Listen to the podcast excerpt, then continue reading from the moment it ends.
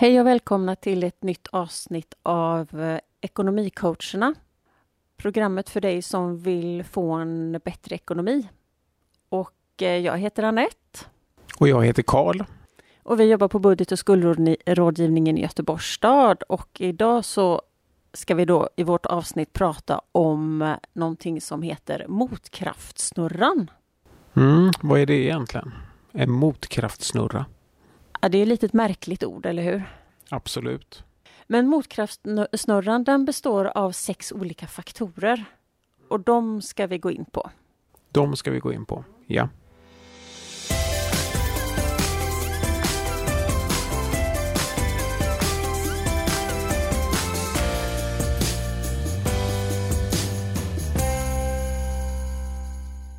Tanken med den här motkraftsnurran det är att man kan se de här sex olika faktorerna som ett hjul, så att säga. Och eh, då kan man eh, ha varje faktor är som en tårtbit i det här hjulet. Och eh, då kan man ha olika styrkor inom de här faktorerna som vi ska gå igenom.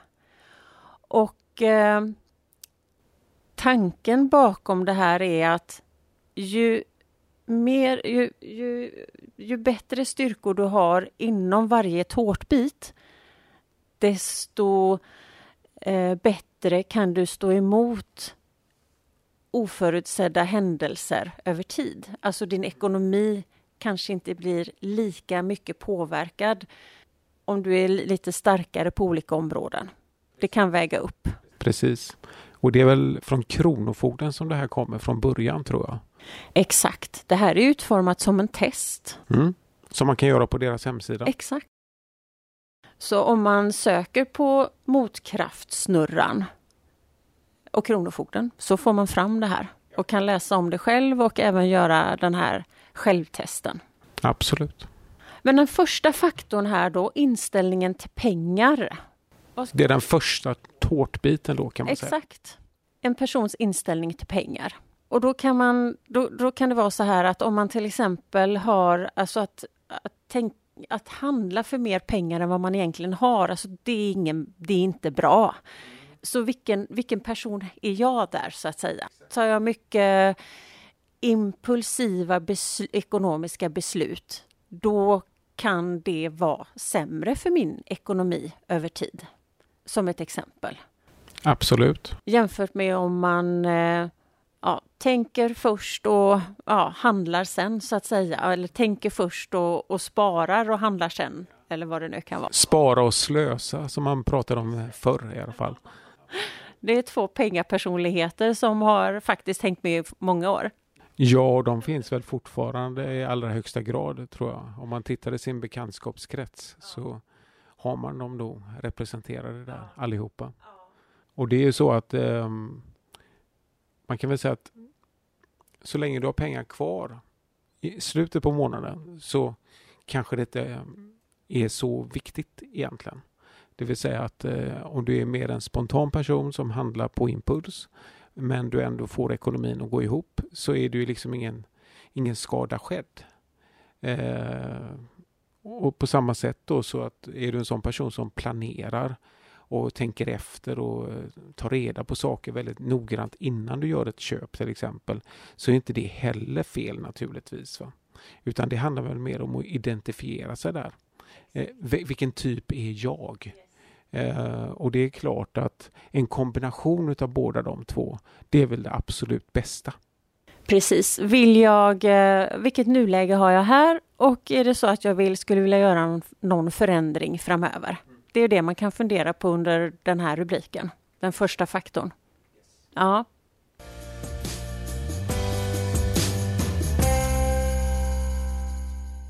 Vi går in på nästa tårtbit i den här motkraftsnurran. Kunskap. Mm, kunskap, vad menar vi då? Ja, det jag tänker på i alla fall det är ju det här med att man känner till om sina till exempel konsumenträttsliga rättigheter. Vad som gäller vid köp av vara till exempel om någonting går fel. Vilka möjligheter man har till att reklamera och få tillbaka pengarna i vissa fall. Ehm, att man förstår eh, och att man försöker i alla fall sätta sig in i det här med olika sparformer, eh, vad som händer när jag inte betalar min räkning i tid till exempel. Alltså ganska, ganska grundläggande konsumentkunskap och privatekonomisk kunskap. Eh, det är väl det man menar med när man eh, pratar om den här tårtbiten då, kunskap i motkraftsnurran. Absolut, och, och, det kräver en hel del kunskap att eh, vara delaktig i dagens samhälle, tänker jag. Och det som du var inne på, konsumentrådgivning, budget och skuldrådgivning, just på den här tårtbiten och på det här området och för att stärka sina eh, kunskaper just på det här området. Här har ju vi en hel del att bidra med, tänker jag. De, vårat kunskapsområde. För, för det som det som vi kan, det kan man också läsa väldigt mycket om på nätet. Eh, på väl, var väldigt bra och neutral information om man tänker så. Absolut. Det som man kan kanske reagera på det är att det krävs en insats. Eh, det här är ingenting som kommer till dig eh, automatiskt eller utan arb eget arbete. Så att du behöver faktiskt eh, sätta dig in i saker och ting för att kunna tillgodogöra dig den här kunskapen som du sen kan använda i praktiken. Ja, där är ju en jätteviktig poäng. Jag tänker ju att eh, vi har ju erfarenhet av att människor har gått på en nit en gång. Och sen är det en sån otroligt dyrköpt läxa. Eller hur? Så det där har du helt rätt i. Man behöver ju lära sig något som man kanske inte visste att man behövde lära sig. Och det finns ju just när det kommer till sparformer och sånt som du var inne på. Vad ska man välja för sparformer? Det finns ju väldigt många, eh, det finns ett stort utbud och det som lovar stor avkastning kanske är faktiskt det som man absolut inte ska ge sig in i till exempel. Nej, så brukar det ju vara att eh, är det för bra för att vara sant så brukar det ju inte vara sant. Så man ska se upp helt enkelt. Men man behöver sätta sig in i den här kunskapen själv för att sen kunna fatta egna beslut. Det är jätteviktigt. Jag tänker lite grann om man tänker på om man har ett antal hemsidor som man vet att man kan gå in och kolla på. Då har man ju åtminstone vet man vart man enkelt kan vända sig om man behöver information. Så även om man inte lär sig allt idag, nej, men man vet vart man ska titta när det kan vara dags att kolla upp någonting. Men jag tänker ju på hallåkonsument.se till exempel. Jag tänker på konsumenternas.se. Absolut. Det är ett jättebra exempel på, um, på neutral information. Absolut. Så inventera det här området, tänker jag. Den här faktorn, kunskap. Vad, vad kan jag idag, men vad skulle jag vilja eller vad behöver jag mer för eh, kunskap för att eh, känna mig någorlunda trygg där. Det kan du göra och har du några frågor som sagt så kontakta oss, budget och skuldrådgivare eller våra kollegor konsumentrådgivarna.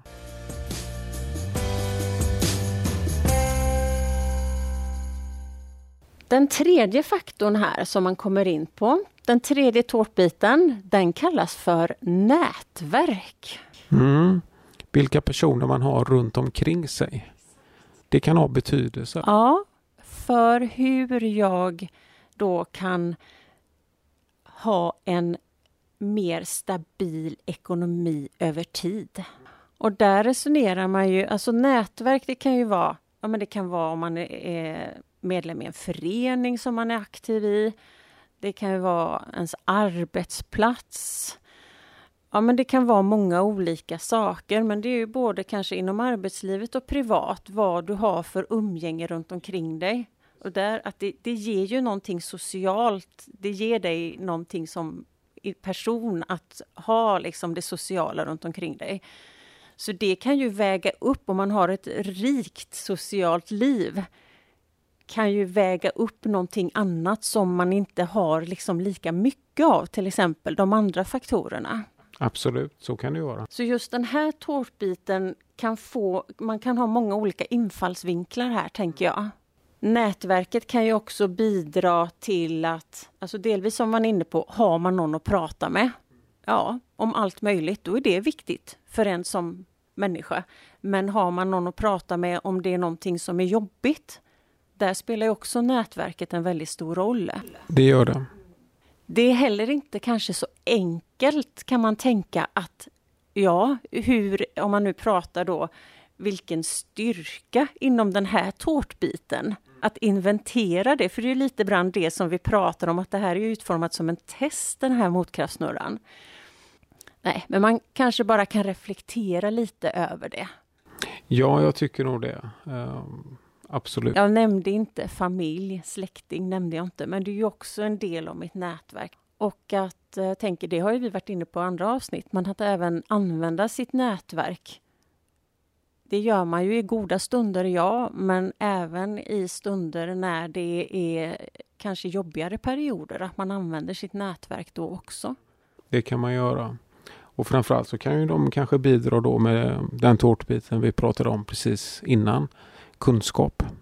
Ehm, man kanske har vänner och bekanta eller personer runt omkring sig som kan berätta liksom om hur de gör för att till exempel få råd med en semesterresa eh, som inte du själv förstår att eh, de kan göra till exempel. Exakt. De kanske har något smart tips som de kan dela med sig utav.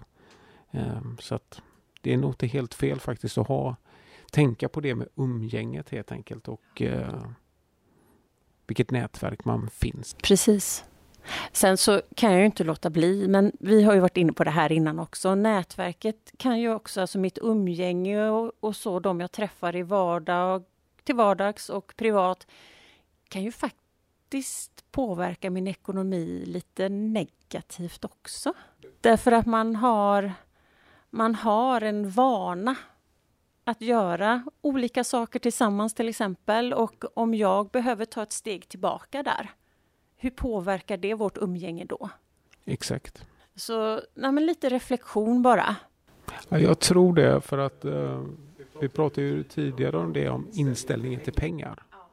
Lek med tanken att jag är en, en, uh, en spara och sen så umgås jag bara med slösa person. Mm.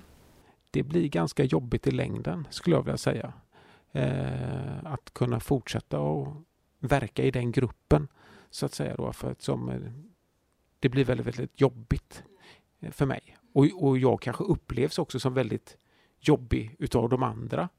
Så att det, det, är inte det att det är bara jag som har rätt och de andra har fel, utan det, det, man påverkar varandra på det sättet. Så det, så det är ju någonting man egentligen kan behöva prata med varandra om? Alltså liksom den ömsesidiga respekten för att man har olika inställning. Precis, precis. Så det, ja, men det här är ett intressant område faktiskt märker jag. Vi pratar ju på här inom den här tårtbiten rätt mycket ändå. Absolut, ja. absolut. Men eh, ska vi gå in på nummer fyra då? Mm. Buffert. Kommer man till buffert, ja. Ja.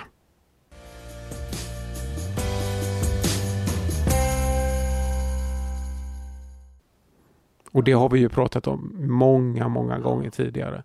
Men det är klart att det förstår man ju att har man en bra buffert så är det klart att då har man eh, större motståndskraft mot förändringar i ekonomin. Det, det, det säger sig självt.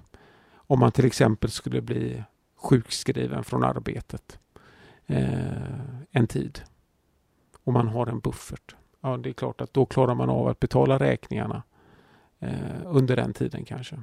Mycket, mycket lättare än om man inte hade haft den. Eh, och det har vi ju påtalat tidigare att det är bra att ha en buffert eh, och alla behöver sträva efter att få ihop en buffert. Eh, så att det är väl inte så mycket mer att säga om den utan skaffa en buffert. Precis, att det är bättre att spara någonting ja. än ingenting alls. En buffert bygger man upp på ganska lång tid. Ja. En buffert behöver inte finnas på plats efter en månad vilket jag tror avskräcker väldigt många från detta. Man hör att man ska spara ihop till två månadslöner eller ännu mer. Och eh, hur ska man hinna göra det? Eh, men man får ju se det som ett lite längre projekt helt enkelt. som, som tar tid att bygga upp. Men det är bättre att spara in, eh, någonting än ingenting. Exakt. Så den är ju, precis som du var inne på, orsakerna till det kan vara olika. Att man eh, går ner i inkomst, till exempel sjukdom eller färre timmar på om man är timanställd och sådär. Så mycket som kan påverka. Men det här är ju en faktor också som man definitivt ska fundera på och eh, försöka göra någonting åt om man inte har någon buffert idag och inte lägger undan någonting alls. Så försök att sträva efter det. Ja, men många som vi träffar i vårt jobb nämner ju det också att det är någonting som är det, det sparmålet som man vill in och jobba med först. Att lägga undan pengar för att få en buffert och börja växa på ett sparkonto. Precis. Och att man har det på ett sparkonto det är för att man lätt ska kunna komma åt pengarna ändå. De ska inte vara bundna eller så. Men då har man ju många gånger nära noll i ränta. Men, men så får det vara, tänker jag. Det får det vara.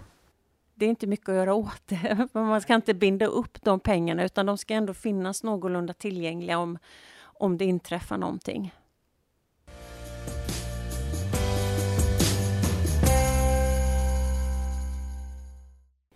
Ja, men då har vi kommit till den femte motkraften. Så eh, den heter arbete och inkomst. Vad kan vi säga om den då? Ja, alltså att ha ett arbete det, och på det sättet då en inkomst, en lön. Det är ju naturligtvis någonting som eh, ger oss kraft att stå emot förändringar. Eh, om man jämför med alternativet. För att alternativet är ju nästan alltid lägre. Eh, så att det är ju jätteviktigt att man eh, funderar på det med eh, Jag kan tänka mig också om man har ett arbete så är det ju viktigt att tänka på men vad är det för typ av anställning jag har här? Är det en tillsvidareanställning så är det klart att den ger mer trygghet än en timanställning eller behovsanställning eller vikariat eller en projektanställning. Så att det är ju faktorer som man får ta med också.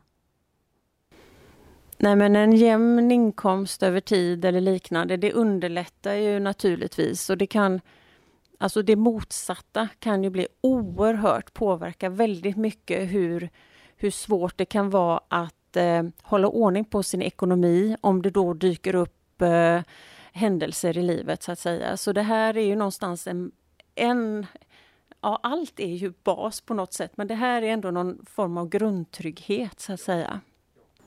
Nej, men arbete och inkomst, vi förutsätts ju att vi har det eh, för att kunna fungera i dagens samhälle. Ja, men på det här området så är det ju mer också just att man kan, man kan reflektera kring det. Och vi här hos oss från våran sida, vi kan ju inte bidra med så mycket egentligen kunskap och information som kanske påverkar en persons liv där, men, men utan vi hänvisar ju mer till andra eh, myndigheter och ställen som kan hjälpa till i en större utsträckning kanske att få en, en annan eh, anställning på marknaden och sådär. Ja, precis, precis. Men det är viktigt att ha med i beräkningen att um, ja, inventera sin styrka här om man nu säger så. Då, I den tårtbiten. Exakt. Och när man gör det testet och tittar där på arbete och inkomst. Och jag sa tidigare att vi, vi förutsätts att ha ett arbete i stort sett. Så är det klart att eh, det kanske var lite väl hårdraget. Eh, vi förutsätter att vi har en inkomst. Och en inkomst kan ju vara många olika saker. Det kan ju vara så att man till exempel är sjukskriven. Eh, förtidspensionär kallar man det tidigare men idag kallar man det för att man har sjukersättning. Eh, och det är klart att då har man ingen möjlighet att arbeta men man har ändå en inkomst. Och det är ju den inkomsten som är det viktigaste. Helt enkelt att den är förutsägbar. Då. Eh, det ger oss större möjligheter liksom att motstå förändringar eh, i ekonomin. Nej men exakt, det håller jag verkligen med om. Men då lämnar vi den femte tårtbiten, den femte faktorn och så går vi in på den sista, den sjätte faktorn i den här motkraftsnurran och det är din hälsa.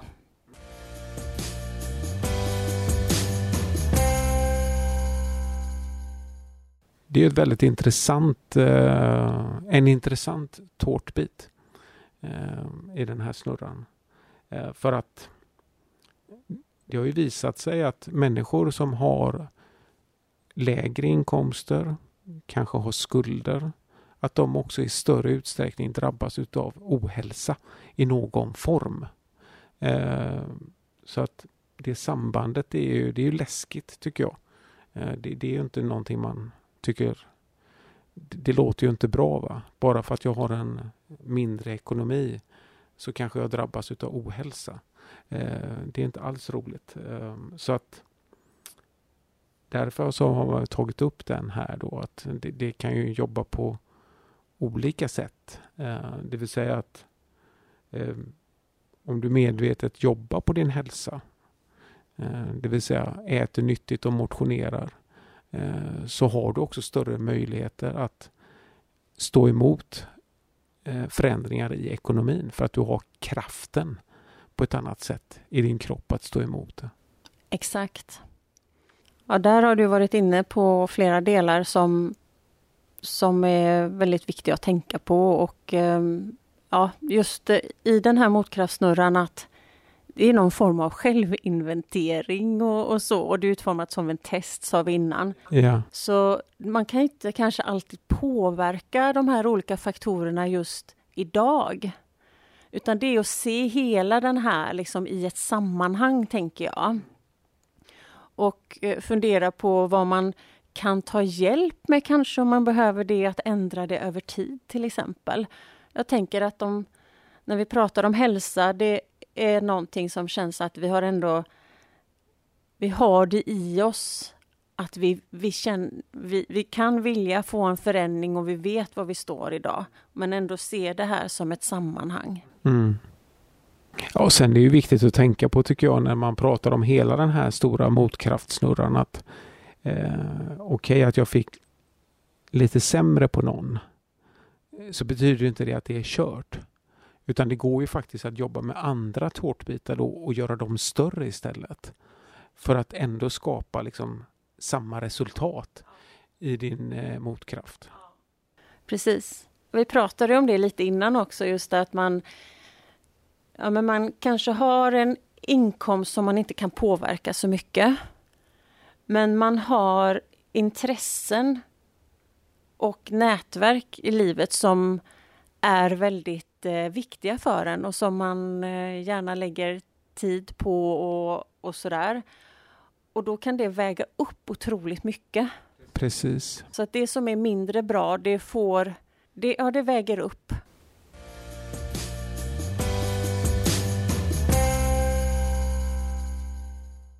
Ja men då har vi gått igenom de här sex faktorerna och eh, det har varit, alltså jag tycker det är kul att prata om det här. Det är kul. Absolut, för det finns ju inte något rätt eller fel här. Och att det ger en, eh, alltså jag tänker att det är liksom inte mycket nytt under solen egentligen, men man har vävt, vi har vävt in det i ett någorlunda lite nytt sammanhang helt enkelt. Och eh, vill man läsa mer om det här så kan man gå in på Kronofogdens hemsida och eh, leta upp just Motkraftsnurran heter den. Ja. Och så står det information om privatekonomi. De har väldigt bra information på Kronofogden som inte bara handlar om skuldsättning. Ju. Absolut. Ja, men som att göra en inventering av de här olika faktorerna i sitt eget liv helt enkelt och se om man kan och vill och har lust att göra lite förbättringar över tid. Absolut, man kan göra testet. Just det. Ja, men då återstår väl egentligen bara att önska lycka till, eller?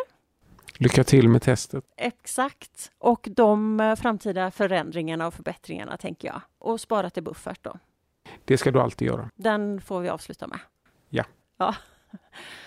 Vi som har spelat in det här avsnittet idag jobbar på budget och skuldrådgivningen i Göteborgs stad. Och eh, vill du komma i kontakt med oss så kan du ringa på telefonnummer 031 368 0800 Bor du i Göteborg då så, så kan vi bistå med råd och stöd. Men bor man i en annan kommun så ska man kontakta sin hemkommun för att ta del av budget och skuldrådgivning eller komma i kontakt med en konsumentrådgivare.